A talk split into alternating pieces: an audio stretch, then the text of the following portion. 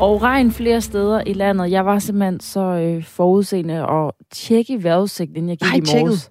Jeg har en regnjakke med, Haha, det er godt arbejde. og det regner allerede. Så velforberedt har jeg ikke været, men til gengæld er jeg forberedt på de næste tre timer. Det er nemlig Radio 4 Morgen, du har øh, du stået op til, og vi har et øh, godt program klar til dig fra her fra 6 til 9. Folketingsåret afsluttes øh, traditionen tro med en afslutningsdebat. Det var i går. Den åbnede statsminister Mette Frederiksen klokken 9, og cirka 14 timer senere, så kunne politikerne tage hjem igen. Vi taler om debattens største emner med politisk redaktør på Avisen Danmark, Kasper Dal, lige om lidt. Danmark har besejret ishockey-stormagten og verdensmestrene Kanada 3-2. Og i dag bliver det så afgjort, om Danmarks herre ishockeylandshold skal videre til kvartfinalen til verdensmesterskabet, når holdet møder Slovakiet i den sidste gruppekamp. Det bliver første gang i seks år, hvis det lykkes. Det er ret imponerende. Kanada. Man antager dem som en stor ishockeynation. Kæmpe. Men så kom Danmark. Drop-in-dåb har øh, på få år spredt sig fra at være et københavnerfænomen til stort set hele landet. Det viser en rundringning, som Radio 4 har lavet blandt alle landets stifter. Og vi taler med en, der har døbt sin datter ved netop en drop-in-dåb klokken cirka 25 minutter i syv. Vi skal også se nærmere på et eksperiment, der skulle afdække, om børns mange timer foran skærmen nu påvirker deres bevægelse, eller om børnene vil være stillesiddende uanset. Det har forskere på SDU undersøgt. Få resultatet og hør også om det, som overraskede forskerne undervejs kl. 7. Og du kan sende sms'er ind hele morgen selvfølgelig på 1424. Der er allerede en, der har skrevet ind. Godmorgen, søde tøser. Også godmorgen til dig. Skriv ind 1424 i mere end velkomne. Klokken er 7 minutter over 7. Traditionen tro markerer afslutningsdebatten i Folketingssalen afslutningen på Folketingsåret. Debatten blev ikke mindre end 14 timer lang i går, og de vigtigste emner derfra, dem skal vi tale om nu sammen med Kasper Dal. Godmorgen. Godmorgen. Politisk redaktør på Avisen Danmark. Hvad var de vigtigste, eller det vigtigste, som blev debatteret ved debatten i går?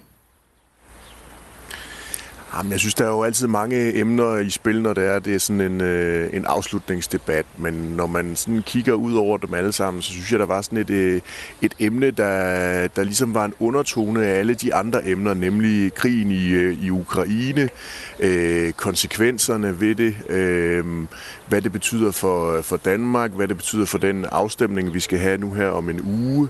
Øh, statsministeren indledte med at tale om det, da øh, hun startede afslutningsdebatten, og tilsvarende også, så var, var Jakob Ellemann også øh, inde på det. Så jeg synes, sådan de to øh, forløbige eneste statsministerkandidater brugte rigtig meget tid på øh, krigen i Ukraine og konsekvenserne af det, og afstemning omkring forsvarsforbeholdet. Så derfor var det sådan en, et emne, der ligesom øh, svømmede over, øh, over vandene, øh, og, øh, og på den måde øh, lagde en, øh, en stil for hele debatten. Ja, netop i, øh, i den forbindelse, altså med debatten om Ukraine, om NATO, om forsvar og forbe, forsvarsforbeholdet, øh, der betonede statsministeren blandt andet, at situationen i Europa, den kommer med en regning, og den er stor, lød det også. Og når vi samtidig har skabt plads til varige investeringer i vores forsvar og sikkerhed, så vi kan leve op til det løfte, vi har givet vores allierede i NATO, så vil der være historisk få penge tilbage til nye tiltag. Var det en øh, varsling for, at der ikke er ret meget at rute med økonomisk øh, det næste år? Ja, det må man sige. Det var jo et af de andre store emner i, øh, i den sådan samlede afslutningsdebat, nemlig den økonomiske politik, og hvordan vil man øh, prioritere, når det gælder Rød Blok, hvis de skulle finde på at, øh, at vinde et valg, og hvordan ville det se ud, hvis, øh, hvis de borgerlige skulle komme til efter næste folketingsvalg. Så lige præcis det her omkring den økonomiske politik fyldte også rigtig meget, og Mette Frederiksen brugte også anledning til at, øh, at takke de andre partier bag det nationale kompromis for, øh, for deres deltagelse, og netop også for det her med at være med til at prioritere, at der sættes rigtig mange milliarder af frem til, til 2033 til forsvarsområdet. Øh, samtidig var det også et af de emner, altså den økonomiske politik, hvor vi så, at øh, nogle af de andre folketingspolitikere rigtig gik i clinch med de forskellige ordfører, som var oppe på talerstolen. Eksempelvis så vi, at, øh, at de, mange af de borgerlige politikere blev udfordret på deres lyst til at give skattelettelser af nogle af dem fra, fra Rød Blok, mens at øh, nogle af dem fra Rød Blok blev udfordret på, hvordan de har, har tænkt sig at finansiere alle de øh, løfter omkring bedre velfærd, som øh, de måske har tænkt sig at give i en øh, kommende valgkamp. Under den her afslutningsdebat, der øh, udviste enhedslistens Rosa Lund en ærgelse over, kan vi godt kalde det, at Venstre og Jakob Ellemann Jensen, de har taget del i forhandlingerne i samarbejdet mellem Danmark og Rwanda. Og det undrer mig, at nu hvor Venstre endelig er kommet tilbage, vil jeg sige, på de klassiske liberale værdier om åbenhed i retsplejen, nej til politisk forfølgelse, at man så ikke bare blankt afviser, at selvfølgelig laver Danmark ikke nogen aftaler med et land, der behandler politiske modstandere på den måde, som politiske modstandere bliver behandlet af Kagames regering på. Jeg, sige, jeg får også ondt i maven en gang imellem, når det handler om øh, politisk forfølgelse af politiske modstandere. Der behøver jeg ikke at tage til Rwanda. Ja, det var altså enhedslistens Rosa Lund og så øh, Venstres Jakob Ellemann Jensen. Efterfølgende så blev der spekuleret i, om Ellemann Jensens kommentar her, den var en reaktion på sagen om Claus Hjort Frederiksen, men det afviste han altså øh, efterfølgende. Men Kasper Dahl, politisk redaktør på, på Avisen Danmark, tror du, at den her kommentar, den ikke handlede om Claus Hjort Frederiksen? Ah, i så fald, så må det næsten være sådan lidt komiske Ali, Jacob Ellemann, han har, har gang i. Jeg synes egentlig, det havde, måske havde øh, klædt ham endnu mere, hvis han havde, havde sagt, at øh, det, selvfølgelig handlede om øh, Claus Hjort Frederiksen. Fordi det er jo det uh, argument, eller et af de argumenter, som, uh, som Venstre har turet frem, med, nemlig, at der er tale om politisk forfølgelse af en oppositionspolitiker, når uh, regeringen med, med rigsadvokaten i spidsen gerne har ville tiltale ham for landsforræderi. Tilsvarende så kom Mette Frederiksen ind på netop det her emne i sin afsluttende replik, hvor hun netop sagde, at uh, hun ikke brød sig om øh, det her med, at hun og regeringen er blevet beskyldt for at bedrive politisk forfølgelse, og hun nu vil gå i gang med at kigge på, om, øh, om det stadigvæk gav mening, at det var justitsministeren, der i sidste ende skulle tage stilling til den her type af sager. Så på den måde fyldte Claus Hjort Frederiksen sagen også, selvom Ellemann han, øh, han sagde, at det ikke var det, det handlede om, så var det, det øh, den fornemmelse, som alle dem, der overvejede debatten, sad med, efter han havde sagt de her ord. Ja, der kom jo sådan set også et, øh, der blev åbnet for en mulighed for en ny rolle for justitsministeren, også fra statsminister Mette Frederiksen i går. Kan du sætte et par ord på det også, Kasper Dahl? I forbindelse med Claus Hjort Frederiksen sagen jo. Ja, men lige præcis. Det var jo de her afsluttende bemærkninger, Mette Frederiksen havde. Der kommer hun ind på, på den her sådan lidt øh, særlige rolle, at øh, når det gælder den type af sager, øh, som Claus Hjort Frederiksen har været med i, så er det øh, i sidste ende justitsministeren, der skal tage stilling til det. Og det er jo lidt særligt, fordi justitsministeren ikke tager stilling i alle mulige andre sager, hvor øh, der skal rejses tiltale. Og det vil øh, Mette Frederiksen og øh, justitsminister Mathias Tesfaye nu gå i gang med at afsøge, om der kan laves et politisk flertal for at ændre det, sådan at det fortsat er øh, en form for armslængde, man har i de her sager, så det er en, en, en uafhængig uafhængige myndighed, Rigsadvokaten i det her tilfælde, der i sidste ende skal træffe beslutningen, og ikke noget, der skal rykke ind på, på Christiansborg eller Slottholm, og ind i et ministerkontor. Hvordan så? Det kan jo netop åbne for, at man kan, det kan jo netop åbne for, at man kan have den her øh, spekulation i, om der er noget, der er politisk motiveret. Og hvordan ser opbakningen ud til det udspil, hun kom med øh, fra, fra de andre partier? Ja, nu tror jeg lige, de gerne vil se, hvordan det, det ender. Øh, og, og det man kan sige, det er, at øh, en borgerlig regering ville jo kunne risikere at stå i samme situation, hvis de skulle komme ind i ministerkontorerne en dag. Så må ikke det kan lykkes, hvis man finder den rigtige model og, øh, og finde et flertal for at, øh, at ændre det. Det var jo ikke kun øh, sådan øh, politiske temaer på den her front også, som, som blev diskuteret. Øh, der blev også brugt tid på at spørge om øh, ambitioner nu nævnte du indledningsvis øh, de to forløbige statsministerkandidater. Der var jo blandt andet øh, konservativ Søren Pape Poulsen, der blev spurgt, om han ville stille op som statsministerkandidat. Det var Socialdemokratiets Camilla Fabricius, der spurgte, og det lød sådan her. Hr. Pape Poulsen har talt ret meget om ansvar, om lederskab, men jeg kunne godt tænke mig at høre, om Søren Pape Poulsen er klar til at sætte sig i statsministerstolen. Jeg havde sådan håbet, at spørgeren vil følge op fra den tidligere spørger, så vi får en god politisk diskussion om tilbagetrækning og Arne og alt, hvad det hedder, for det synes jeg er relevant. Det er derfor, vi er her. Det andet, det er jo sådan noget proces- og snakdiskussion. Hvem er kandidat, og hvem er ikke kandidat? Jeg har ikke meldt mig som, som statsministerkandidat. Øh, og jeg kan forstå, at det er der en stor længsel for, at jeg skal gøre øh, i Socialdemokratiet. Men det må jeg så gå hjem og overveje. Kasper Dahl, hvorfor tror du, Socialdemokratiet de er interesseret i spørgsmålet om øh, Pape Poulsens øh, statsministerkandidatur? Ja, det er jo et, et, et, en årsag er, at det, det alle på Christiansborg går rundt og taler om, det er, hvornår melder øh, Søren Pape Poulsen sig som statsministerkandidat, og flere mener jo, at det facto er øh, sket, og man derfor allerede regner ham som statsministerkandidat. Noget andet er jo, at Socialdemokratiet er selvfølgelig interesseret i at øh, skabe så meget splid i Blå Blok som overhovedet muligt, og hvis det skulle øh, være sådan, at Søren Pape Poulsen meldte sit kandidatur, jamen så vil man jo lige pludselig have to kandidater i Blå Blok, og så kan man jo begynde at, øh, at forhøre Pernille Værmund, Alex Vandopslag, Morten Messersmith og lignende. Hvem af de to øh, kandidater, de egentlig støtter, og hvorfor. Og på den måde kan man jo øh, være med til at udstille nogle af de uenigheder, der er i Blå Blok. Lugtede øh, debatten også en lille smule af valgkamp egentlig? Ja, det må man sige. Der var masser af valgkampsagtige øh, spørgsmål, og masser af spørgsmål, hvor det var helt tydeligt, at, at dem, der spurgte øh, ordførende på talerstolen, gerne ville have et eller andet klip, der kunne bruges i en øh, kommende valgkamp. Som jeg var inde på tidligere, så den store lyst til at, at krydsforhøre de borgerlige partier om skattelettelser fra Rød Blok, ser jeg som en, en del af det. Søren Pape Poulsen var lige herinde i, i, i klippet inde på den her Arne-pension. Den kommer også til at fylde rigtig meget. Altså, at de konservative øh, gerne vil rulle Arne-pensionen tilbage, mens at vi kommer til at opleve Socialdemokratiet stå rigtig hårdt på den her ret til tidlig tilbagetrækning. Så øh, der var masser af de emner, der også kom op og vende i, øh, i går, som vi kommer til at høre meget mere om, når vi kommer tæt på en valgkamp og også ind i en valgkamp. Der er en lytter, der har øh, skrevet en sms på 1424. Jeg så få sekunder af talen. Der var godt nok mange tomme pladser. Når vi har møde på min arbejdsplads, er der mødepligt. Var der mange tomme pladser i går, Kasper Dahl? Ah, det er jo altid sådan, at i løbet af sådan en 14 timer lang debat, så begynder det selvfølgelig at tynde lidt ud i, øh, i hvem der bliver siddende nede i salen. Jeg synes nu, at da statsministeren holdt sin øh, godt halve time lange åbningstale, at der var pænt fyldt på pladserne. Men der er selvfølgelig altid nogen, som er øh, forhindret af mange forskellige årsager. For eksempel var der flere ministre, som havde øh, møder ude i den store verden, som de skulle deltage i. Så på den måde er der ikke øh, fuld bebanding, når man øh, holder en afslutningsdebat. Jeg synes nu alligevel, der var, der var pænt besøg til at begynde med. Vi taler med Kasper Dahl, politisk redaktør på Avisen Danmark, ovenpå øh, Folketingets afslutningsdebat i går. Og vi har jo set i øh, lignende debatter, også i åbningsdebatterne, at de her, øh, altså 14 timer, det er jo lang tid, men de kan godt vare til langt over midnat. Og i går der sluttede debatten kl. 23. Der har jo været masser at tale om, kan vi jo lige høre på, på alle de her klipper i mange retninger. Hvorfor tror du, den sluttede i godsøjen allerede kl. 23?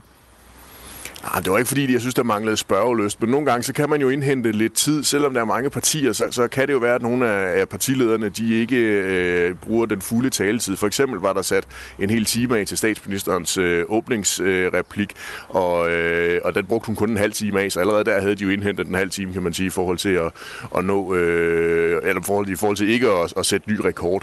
Så øh, der er mange muligheder i løbet af sådan en, en lang debat for at, øh, at indhente noget tid. Et, en vigtig faktor her er også øh, øh, den store mængde, vi har af løsgængere i øjeblikket i Folketinget, ønsker de alle sammen at komme op på talerstolen, så tager det selvfølgelig også noget tid.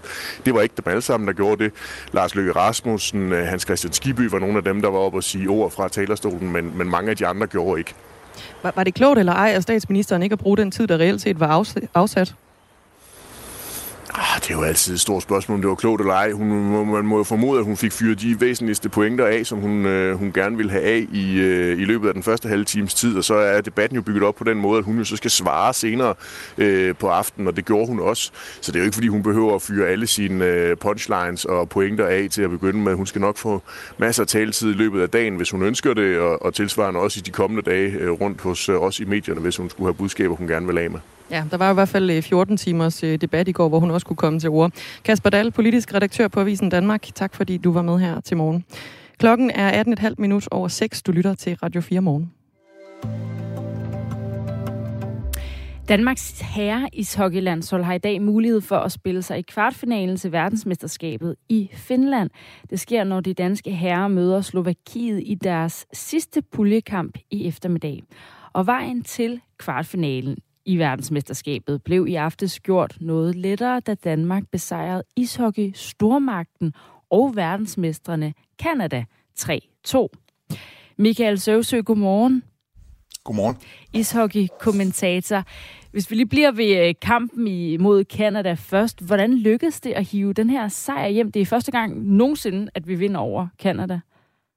Ja, det er jo kæmpestort at, at vinde over Canada for en lille hockeynation som, som Danmark. Øh, jeg hørte lidt uh, interviews bagefter, og danskerne havde luret, at kanadierne var måske lidt arrogant og lidt øh, løs, løssluppende under opvarmningen, og, og, og tog måske ikke Danmark helt alvorligt, og det, øh, og det hvad hedder det, udnyttede øh, vores, vores mandskab og scorede to mål i første periode, var skarpe, og, og holdt sig føringen hjem øh, på en meget, meget flot, øh, disciplineret indsats, og, og jamen, det var virkelig en, øh, en, en helt støbt øh, kamp fra, fra Danmarks side, og, og en rigtig, rigtig flot sejr. Man kunne se, at, at kanadierne, da i første øh, kampen skred frem, så blev de frustrerede og, og, og var virkelig... Øh, var virkelig presset af, af at, at, at være bagud mod Danmark. Øh, og, og det, var en, øh, det var en stor sejr for, for den danske moral også, som, som I siger, det giver lidt ekstra muligheder i forhold til at komme i kvartfinalen.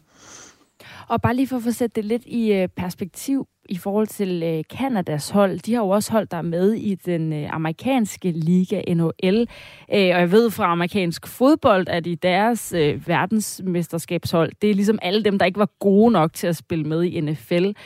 Så hvor, hvor altså, når man spiller mod et, øh, et kanadisk landshold, er det så de bedste spillere, de har i Kanada? Det er ikke de helt bedste spillere, og det har du fuldstændig ret i. Øh, man stiller jo, kanadierne stiller jo med de spillere, der er slået ud af deres øh, lokale slutspil over i NHL, og dem, som så har lyst til at være med og blive inviteret, de, de stiller. Øhm, så det er sådan en varierende styrke, det kanadiske landshold, der, der er med til VM. Øh, det her hold er, er faktisk ganske godt. Øhm, selvfølgelig ikke de allerbedste, men, øh, men, men et, et meget, meget kompetent øh, kanadisk hold, som, som til enhver tid vil være kæmpestor favorit mod, mod Danmark, og også et af de hold, der aspirerer til at vinde øh, VM. Så, så en stor præstation af Danmark, selvom det ikke er de bedste, Kanada har, har med. Ja, for øh, alligevel så vandt Danmark jo altså 3-2 i aftes mod Kanada. Så hvad er chancerne for Danmark for at gå videre nu?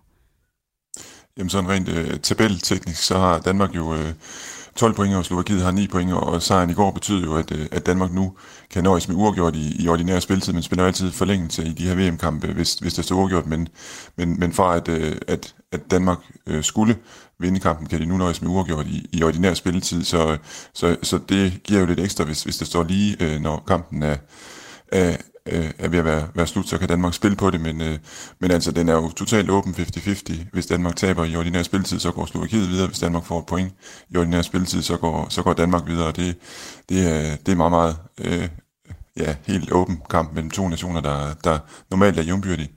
Det er meget spændende. Lad os nu sige, at Danmark går videre. Hvor stort er det så, hvis Danmark ender i kvartfinalen i verdensmesterskabet?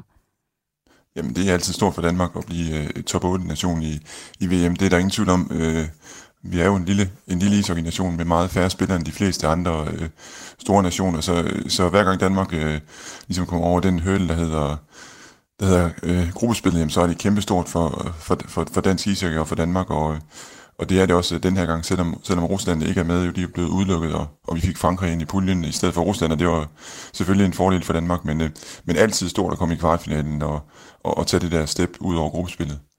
Vi har kun været i kvartfinalen til VM to gange før. Det var i 2010 og 2016, hvor at Danmark tabte begge gange. I år der er Danmark så i pulje med blandt andre Kanada, Schweiz, Tyskland og så Frankrig, som danskerne slog med 3-0. Vi er dog det hold i vores pulje, som har lavet færrest mål. Så er det mere sådan en, en defensiv indsats, der skal til fra Danmarks side af, hvis vi skal vinde over Slovakiet i aften eller i eftermiddag? Jamen det tror jeg, øh, du har ret i. Altså Danmark har stået rigtig godt i defensiven siden øh, kampen mod Schweiz, hvor vi tabte 6-0. Øhm, og, øh, og det er klart, at, at, at Danmark arbejder ud fra en stærk øh, defensiv og en stærk disciplin i egen zone, og så arbejder man også, som i går mod Canada, på, på nogle kontrastød, og, og det samme med Slovakiet formentlig gør, fordi at det er så en afgørende kamp, så jeg spår, at, øh, at det bliver en kamp med få mål, og, og, og selvfølgelig er defensiven øh, vigtig i den, i den henseende, så, så, så det er der nok ikke nogen tvivl om, at, at det, det er det, Danmark spiller ud fra, en, en stærk defensiv i, i aften også, eller i eftermiddag også. Det er selvfølgelig sjovest med mål, men hvis det betyder, at vi vinder over Slovakiet, så må man øh, jo leve med det. Hvad skal man sådan specielt holde øje med i kampen mod Slovakiet?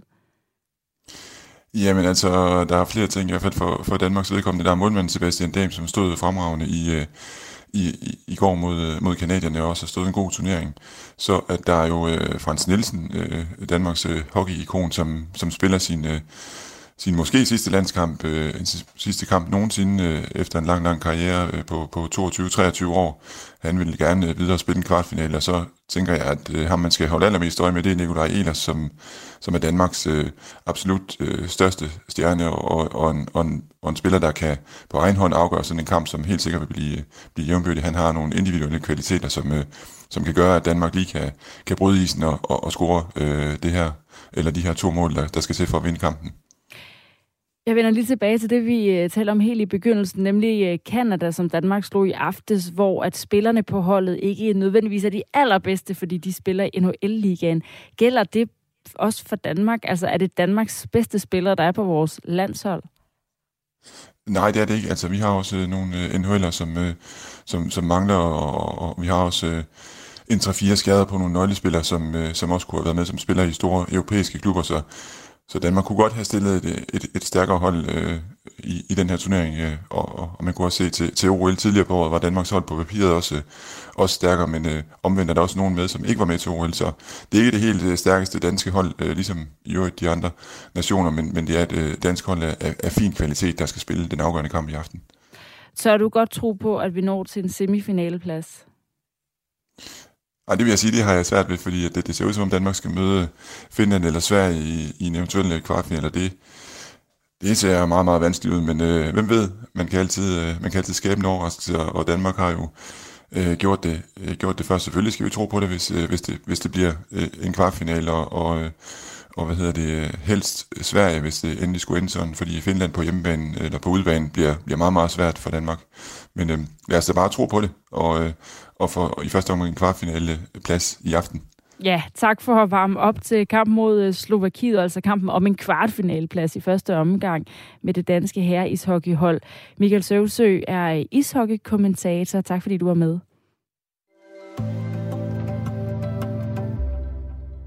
En ukrainsk domstol har idømt en russisk soldat livstid for at have dræbt en ubevæbnet civil. Det er den første dom, der er landet for øh, krigsforbrydelser under krigen i Ukraine. Og øh, det har jo på en eller anden måde været ventet, fordi der har i hvert fald været sendt billeder verden rundt fra jo blandt andre Butcha af øh, formodet krigsforbrydelser.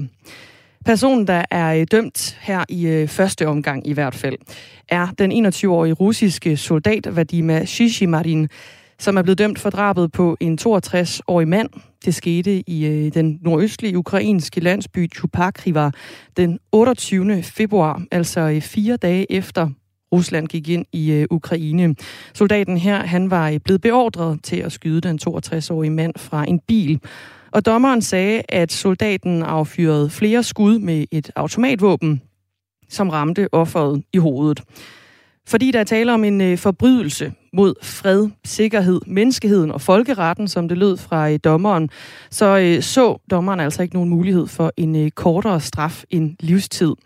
Den 21-årige russer her, han overvejede også selv i domsafsigelsen fra et, et glasbur i retslokalet. Og han har erkendt sig skyldig i alle anklager i den her retssag, der foregik i Kiev. Han erklærede sig skyldig den 18. maj. Og under i retssagen, der sagde anklagerne, at soldaten og fire andre soldater stjal en bil, da deres konvoj kom under angreb.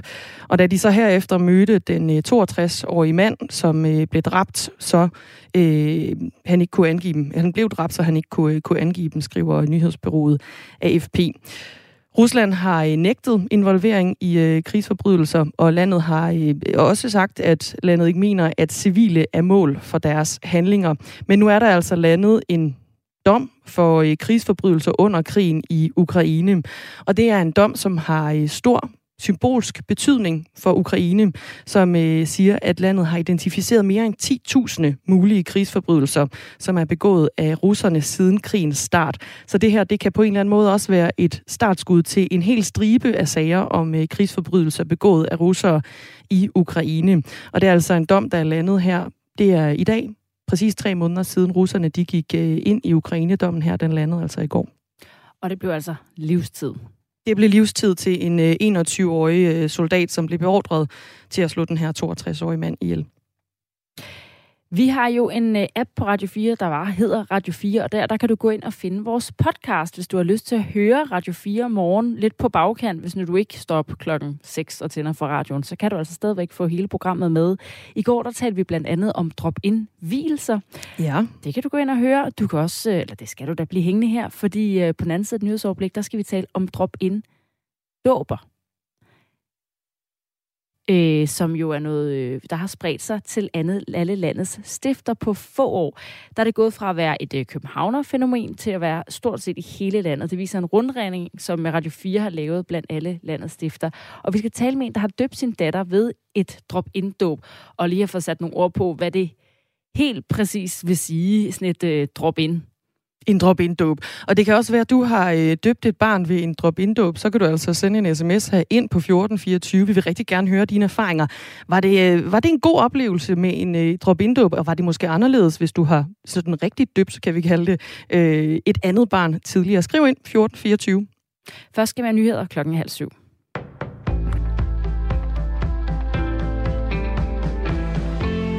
Rød Blok støtter et forslag fra statsministeren i Claus Hjort-sagen. Mette Frederiksen foreslår at ændre justitsministerens rolle, så han ikke længere skal beslutte, om der skal rejses tiltale i helt særlige straffesager.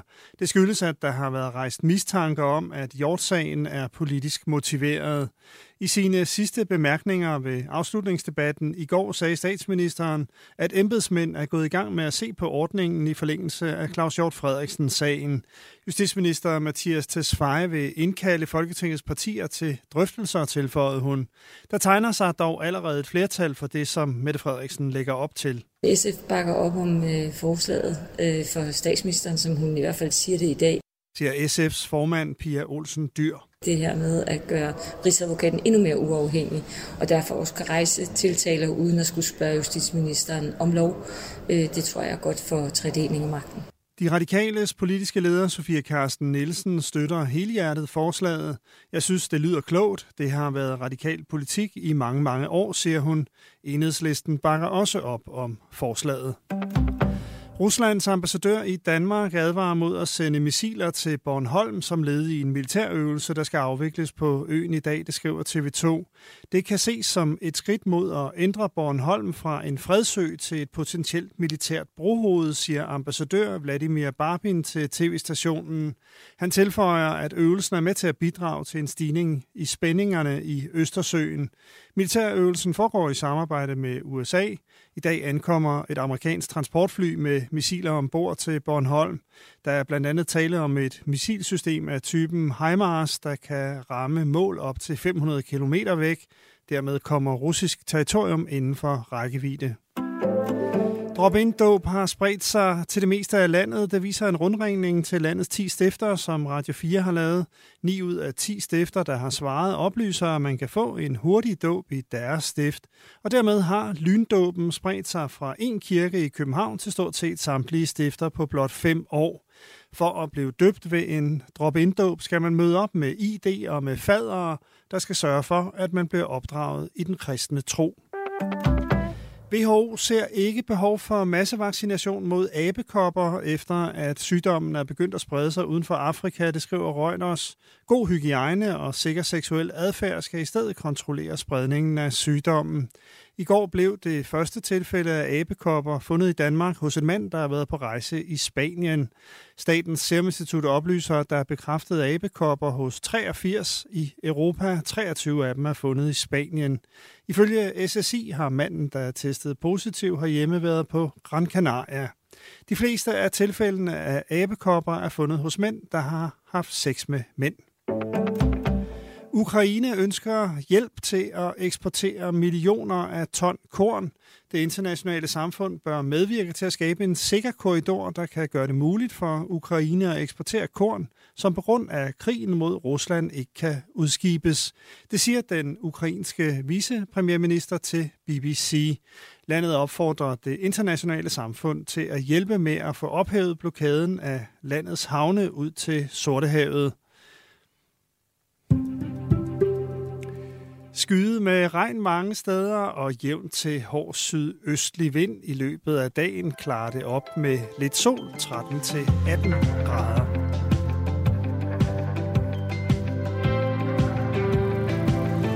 Godmorgen og velkommen til Radio 4 Morgen. Klokken er 4 minutter over halv syv, og vi skal den næste halve time se nærmere på et eksperiment, der skulle afdække, om børns mange timer foran skærm nu rent faktisk påvirker deres bevægelse, eller om de ville have været stillesiddende, uanset om de havde en skærm foran sig eller ej. Det har forskere på SDU nu fået afklaret. Du kan høre resultatet, og også øh, noget af det, der var overraskende for forskerne undervejs klokken lidt i syv. Allerførst så skal vi tale om en ny type dåb, som er vundet frem. På bare fem år, der har drop-in-dåb spredt sig fra en kirke i København til stort set hele landet. Det viser en rundringning blandt landets stifter, som Radio 4 har lavet. Ved en øh, drop-in-dåb, der skal man ikke planlægge en fest eller møde til en samtale med præsten på forhånd. Man skal sådan set bare møde op med sit ID, og så med fader, og så kan man blive døbt. Nadia Terkelsbøl har døbt sin datter Asta ved en drop-in-dåb. Godmorgen. Godmorgen. Hvorfor besluttede I at døbe jeres datter ved en drop-in-dåb?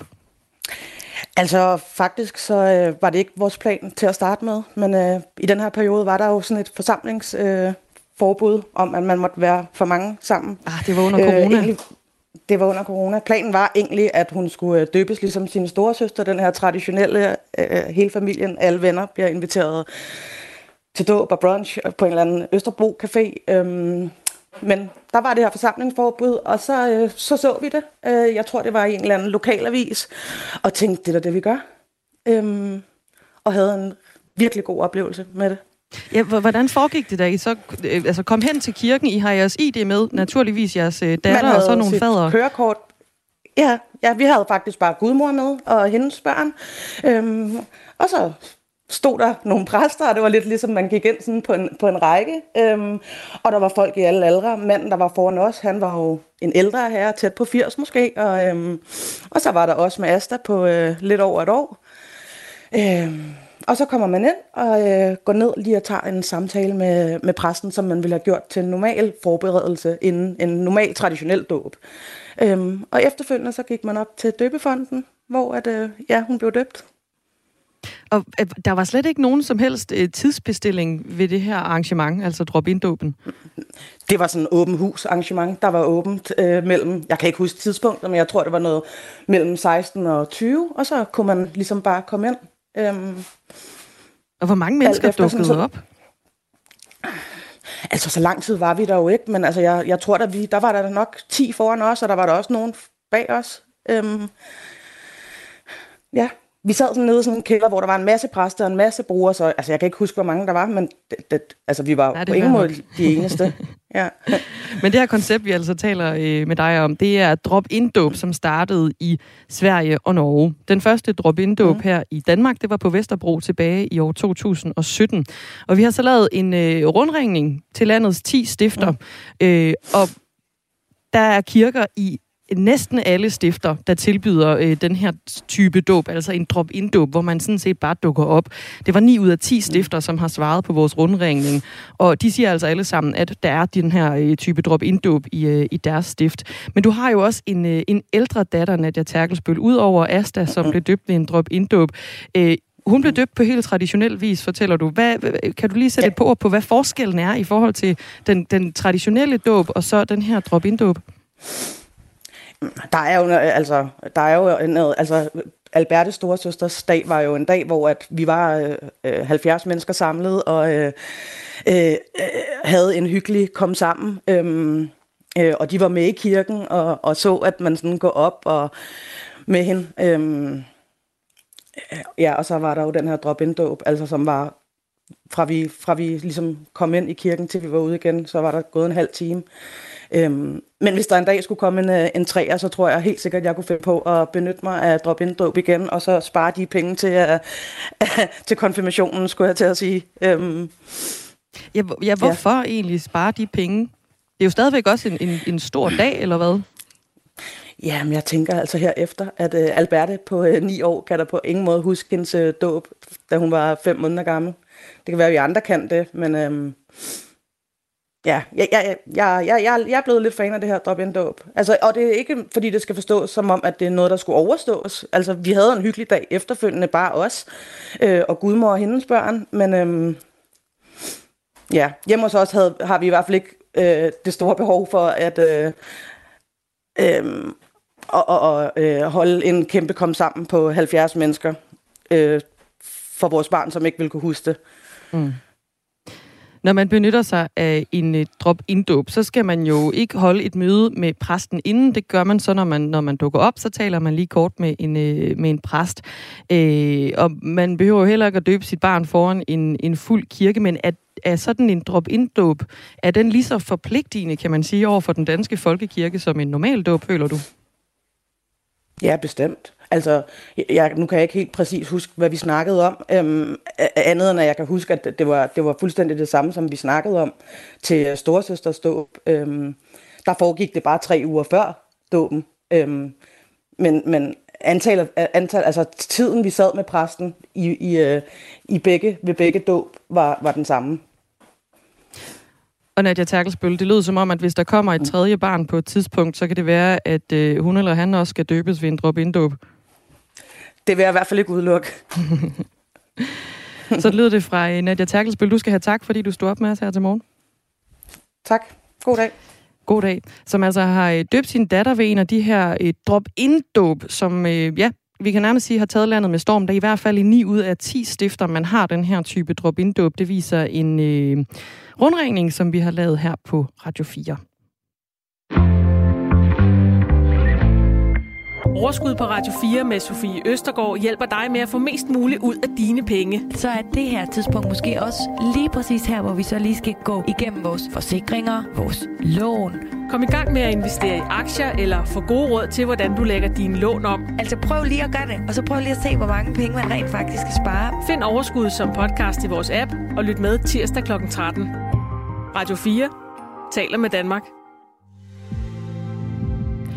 Apropos at øh, spare penge, nu var det i forbindelse med en dåb, men der er nok også nogen, der kunne være interesseret i at spare penge på benzinen, fordi der har det seneste år i Danmark været rekordhøje benzinpriser. Op til næsten 18 kroner for en liter benzin på danske tankstationer. Men fra 1. juni, der er der penge at spare, hvis du er tæt på grænsen til Tyskland. Ja. Det skriver BT. Allerede nu er priserne i Flensborg et par kroner lavere end i Danmark, men fra 1. juni, der rører de altså længere ned.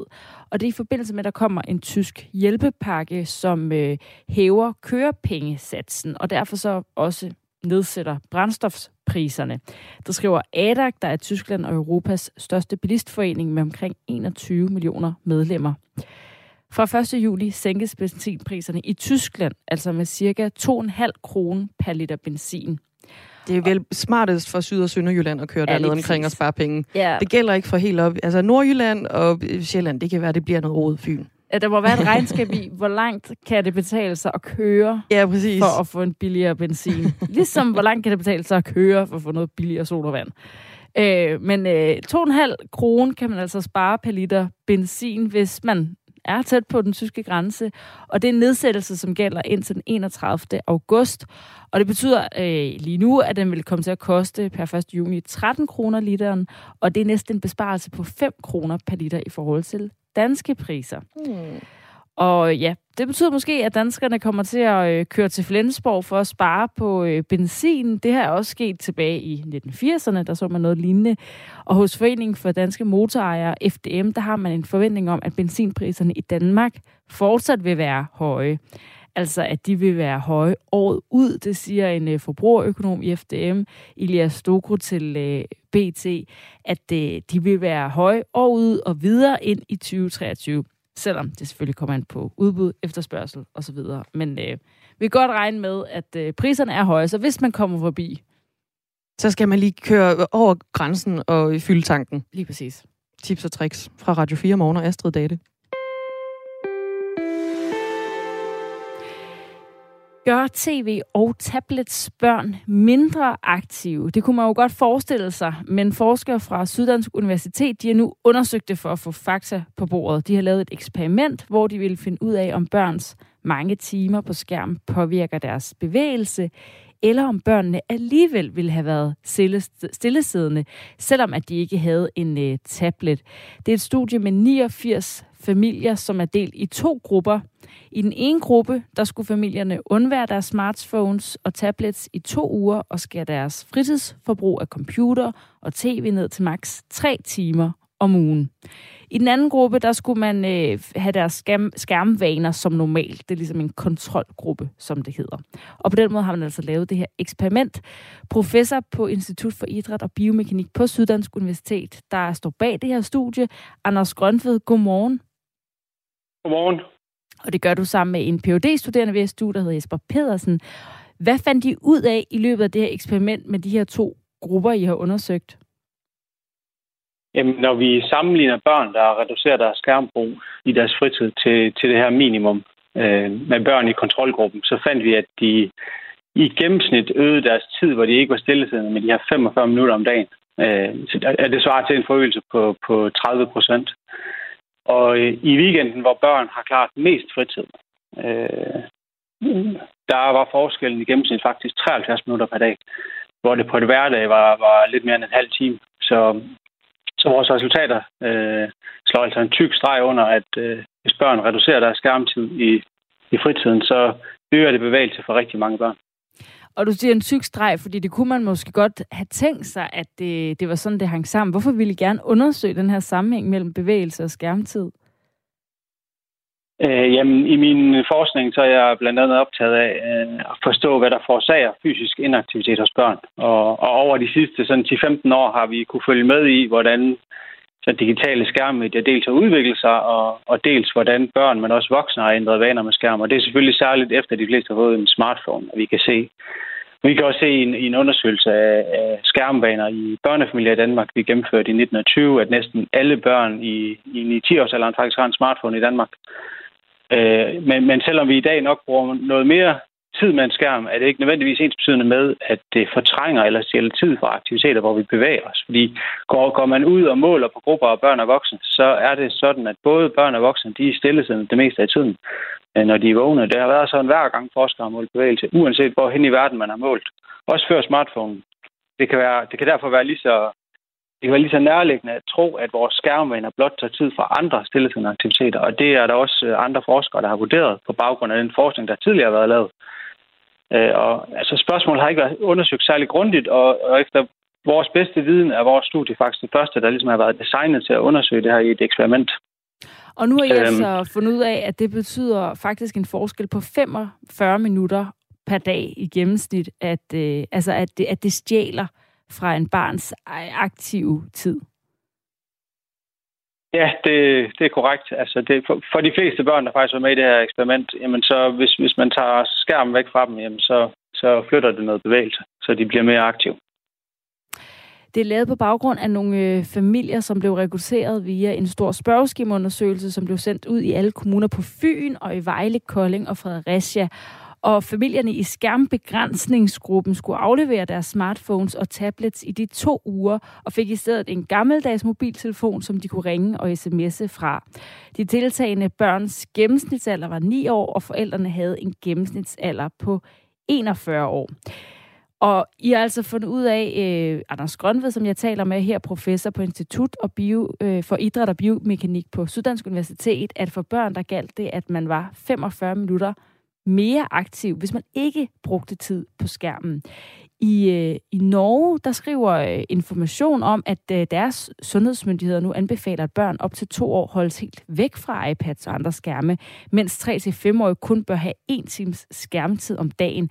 Bør den danske sundhedsstyrelse lave en lignende anbefaling her?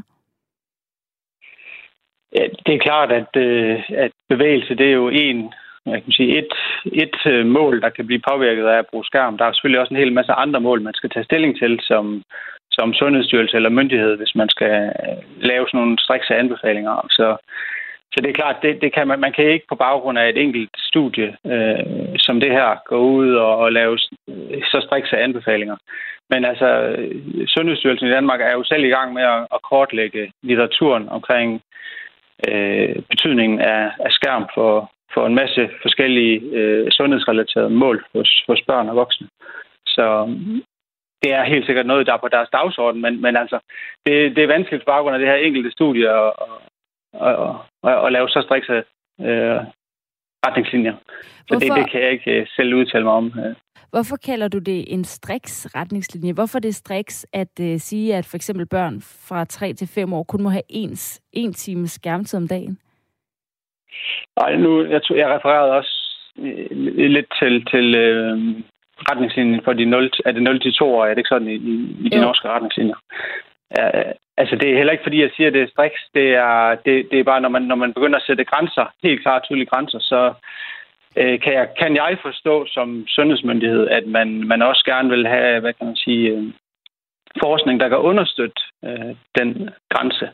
Så det, det på den måde, øh, jeg skal ikke øh, hvad hedder det, bestemme, øh, det er jo ikke mit, mit job er ikke at bestemme retningslinjer, men jeg, jeg kan godt forstå fra deres side af, at man har brug for noget forskning, der kan understøtte det. Eller så skal man gøre det ud fra et forsigtighedsprincip, og det kan jeg også godt forstå, man gør.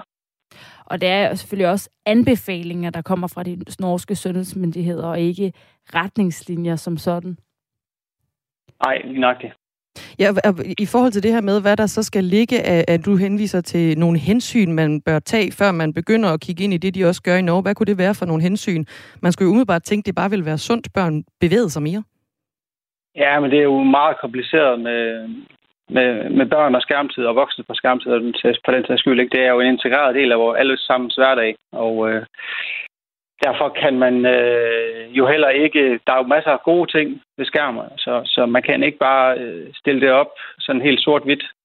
Øh, så, så det handler måske mere om, at man skal forsøge at balancere øh, nu for eksempel for børn balancere deres brug så, så meget man nu kan, og øh, det er noget, noget andet, der måske er lige så vigtigt at stille spørgsmål omkring, det er, hvordan, hvad kan vi som samfund så gøre, altså sådan, at hele ansvaret ikke bliver lagt over på skuldrene af forældrene. Altså, lige for, for nu, der er der jo ikke meget regulering af, af sådan noget som brug af sociale medier eller spil. Øh, de er jo simpelthen designet til at, at få børn til at bruge mest tid øh, med det her produkt. Og ja, så, så jeg synes, det er, nogle, det er nogle meget vigtige spørgsmål, som, som for eksempel politikere eller myndigheder bør stille sig selv. Altså, hvad, hvad kan man gøre som samfund for ligesom at få det her balanceret?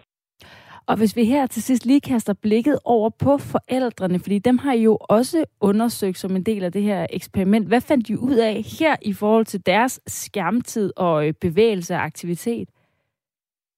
Ja, det er rigtigt. Altså børnenes forældre, de var også forsøgspersoner i studiet, og faktisk noget overraskende, så så vi, så så vi ingen forskel i mængden af bevægelse i fritiden mellem de, de voksne medlemmer af familierne, der begrænsede deres, deres øh, skærmbrug i forhold til de her kontrolfamilier.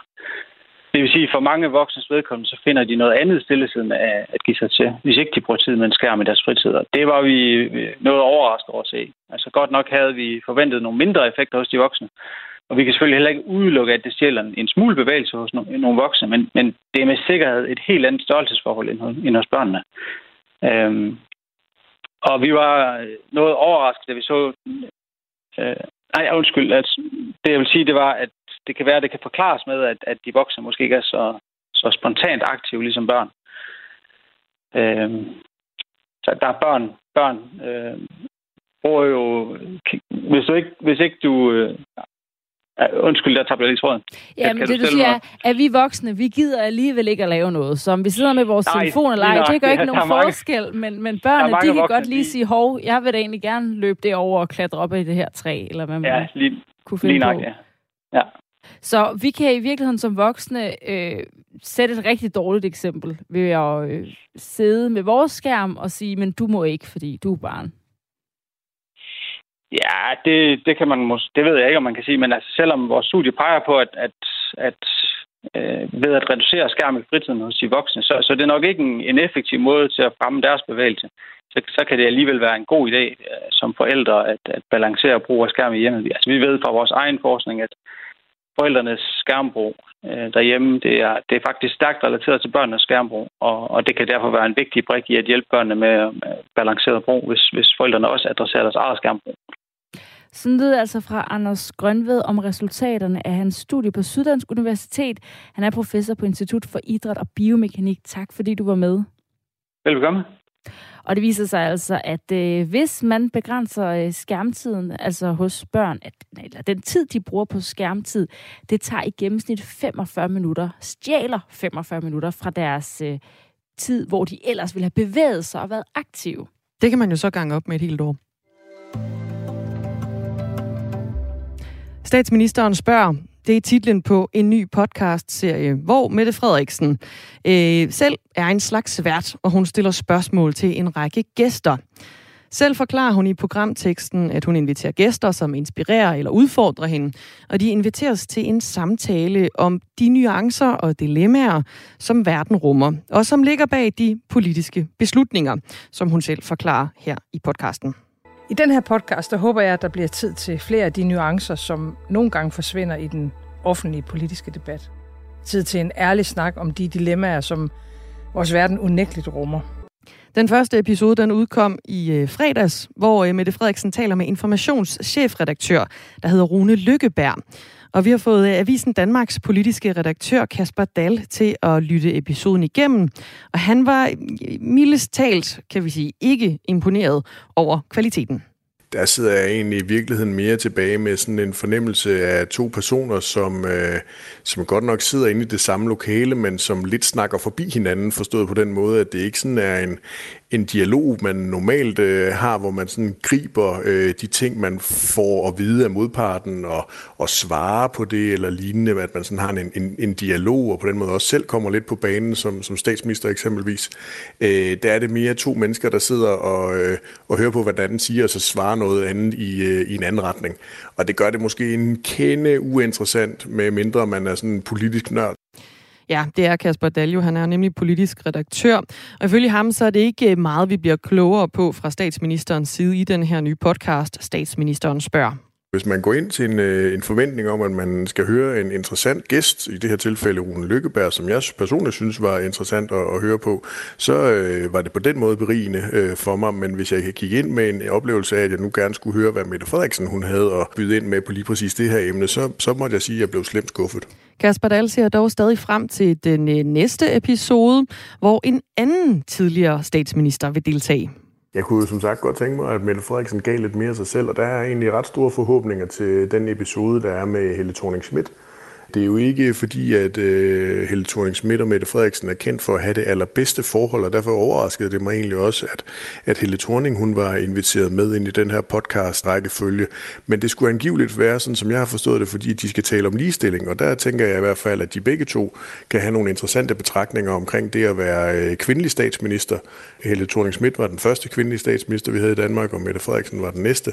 Og det kunne faktisk godt være, at det kunne give nogle interessante øh, samtaler, og, og de kunne komme med nogle interessante interessante pointer der. Så lige præcis den episode ser jeg i hvert fald frem til at lytte med på lyder det fra Kasper Dahl, som er politisk redaktør på Avisen Danmark. Og de næste gæster i statsministeren, statsministerens podcast er i følge politikken og fagbladet Journalisten, blandt andre Svend Brinkmann, som jo er psykolog og radiovært, de tidligere statsminister Helle thorning Schmidt, som Kasper Dahl sagde, og øh, professor og overlæge Bente Klarlund, og så også Sorine Godfredsen, som er sovnepræst og samfundsdebattør. Og hvis statsministeren savner et sted, hvor hun kan komme med flere nuancer, så vil jeg sige, her på Radio 4, der har vi da også en række programmer, hvor hun er meget velkommen ja, til absolut. at øh, lave nogle lidt længere interview. Vi har blandt andet vores politiske program Mandat, og, øh, som jeg også kan anbefale at gå ind og høre, hvis man øh, vil høre nogle kloge politiske ord. Absolut. Det kan man gøre i vores app, der hedder Radio 4.